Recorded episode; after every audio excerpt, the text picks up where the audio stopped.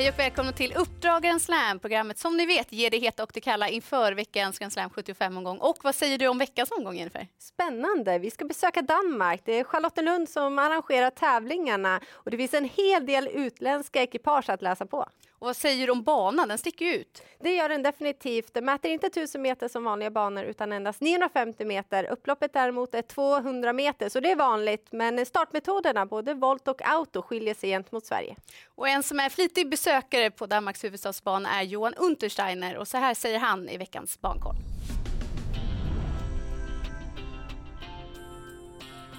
Och på söndag är det Grand Slam på Charlottenlund i Köpenhamn. Hur är den banan att köra på Johan? Vad skulle du säga? Eh, inga större konstigheter. Eh, det är ju bara sex hästar bakom bilen när det är 1600 meter. Eh, där är det väldigt svårt att kanske spetsa från de innersta lägena.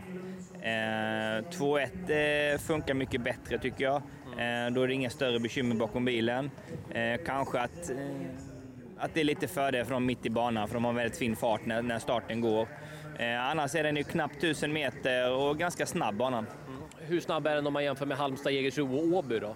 Ja, den är, är, minst lika snabb faktiskt. Och sista åren jag varit där så har banan varit väldigt fin i underlaget också, så att de, de brukar faktiskt leverera bra förutsättningar.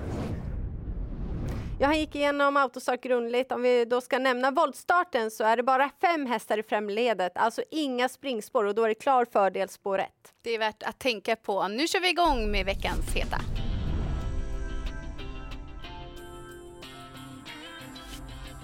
I den andra avdelningen har tre Go On Gardenia hunnit med 11 starter i karriären och vunnit sju av dessa.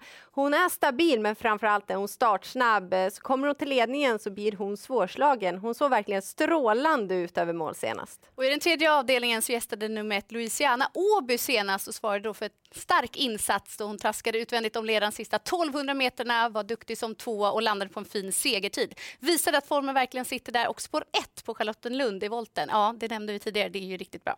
Det är ju det och Bo Westgård han har ju flera heta chanser och haft lite tur med spårlottningen. För den femte avdelningen har Get a Wish eh, spår ett bakom bilen, hade det senast, spetsade enkel och vann då. Han har bra chans att leda det här loppet runt om. Och Sten Hjul på hemmaplan, då ska man se upp. Så backar vi till den fjärde avdelningen så ser han ut nummer sex, Frodo Cash som var duktig tvåa i dansk travderby i augusti bakom stallkamraten Festival of Speed. Har gjort tre starter efter dess. Senast fick han chansen alldeles för sent. Men formen sitter där, ett litet fält tror jag gynnar honom och jag tror att han är starkast i slut. Och nu vill du prata om Sten Hjuls stjärna, Danmarks stjärna. Danmarks bästa häst, nummer fem Extreme i den sjätte avdelningen. Så som han har imponerat på såväl svensk som dansk mark och förutsättningarna här ser väldigt fina ut. Och nu har vi kommit fram till veckans profil. Det är dags att prata med Stefan Persson. Som har haft ett fantastiskt år som kusk. Flera segrar och högre segerprocent än i fjol.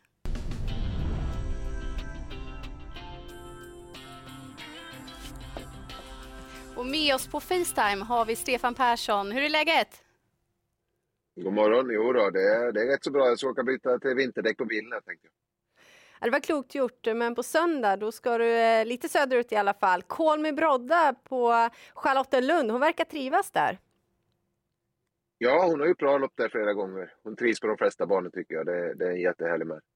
Och det är ingen som har varit i närheten att ta en längd från henne på början heller där vid Charlottenlund? Nej, hon är ju väldigt effektiv från början. Eh, hon fick innerspår nu. Det kanske inte är det absolut bästa på Lunden, men ja, hon är svår att ta en längd på det hon. Du möter ju bland annat Ultra Bright, det har du gjort tidigare med just Kolme Brodda. Vad tror du om chanserna den här gången?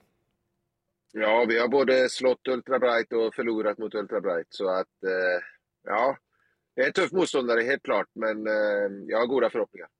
Och ledningen är ändå den positionen du helst vill köra henne med? Hon trivs väldigt bra i ledningen och, och som sagt har ett bra spår, så att, ja, det, det är klar grundplan att försöka ta ledningen med henne.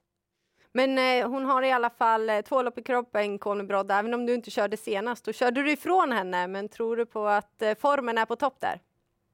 Ja, men vi har väl haft en lite gemensam matchningsplan med henne, jag och Thomas, och siktat på detta loppet. Ju. Så meningen var att hon skulle få ett par formbyggande lopp, ett par snälla lopp och sen eh, skulle vi gå all in här i Köpenhamn. Då. Så att, eh, ja, Jo, eh, det är laddat inför söndag. Där.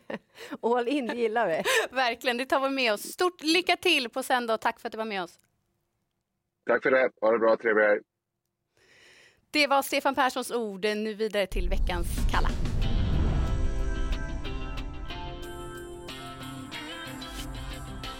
Vi börjar i den andra avdelningen med nummer åtta, Gabusén, som har hög kapacitet för klassen och vann dans storkriterier näst senast trots en kort startgalopp. Men hon är inte att lita på. Det har blivit tre galopper på hennes fem senaste starter och dessutom språttar bakom bilen gör att uppgiften känns tuff. Och I den andra avdelningen så har fyra Coventry Hall tjänat mest pengar i fältet och han fick inte riktigt chanser på V75 senast. Men däremot är han mestadels matchad över kort distans. Därför känns det som ett klart minus att det är medeldistans den här gången. Nu ska vi summera ihop programmet och jag vet nog Jennifer vad du vill lyfta fram som hetast. Ja, och jag tror att du instämmer. Självklart är det Kol med brodda med Stefan Persson. De känner till banan väldigt bra och de passar väldigt bra ihop som ekipage och framförallt, de går all in till just den här starten. Ja, och så får vi också se Danmarks bästa häst Extreme i den sjätte avdelningen. Vilken söndag! Ja, det kanske är svårt att fälla favoriten, men jag kommer njuta av att titta på honom. Samma här. Stort lycka till med Grand Slam 75.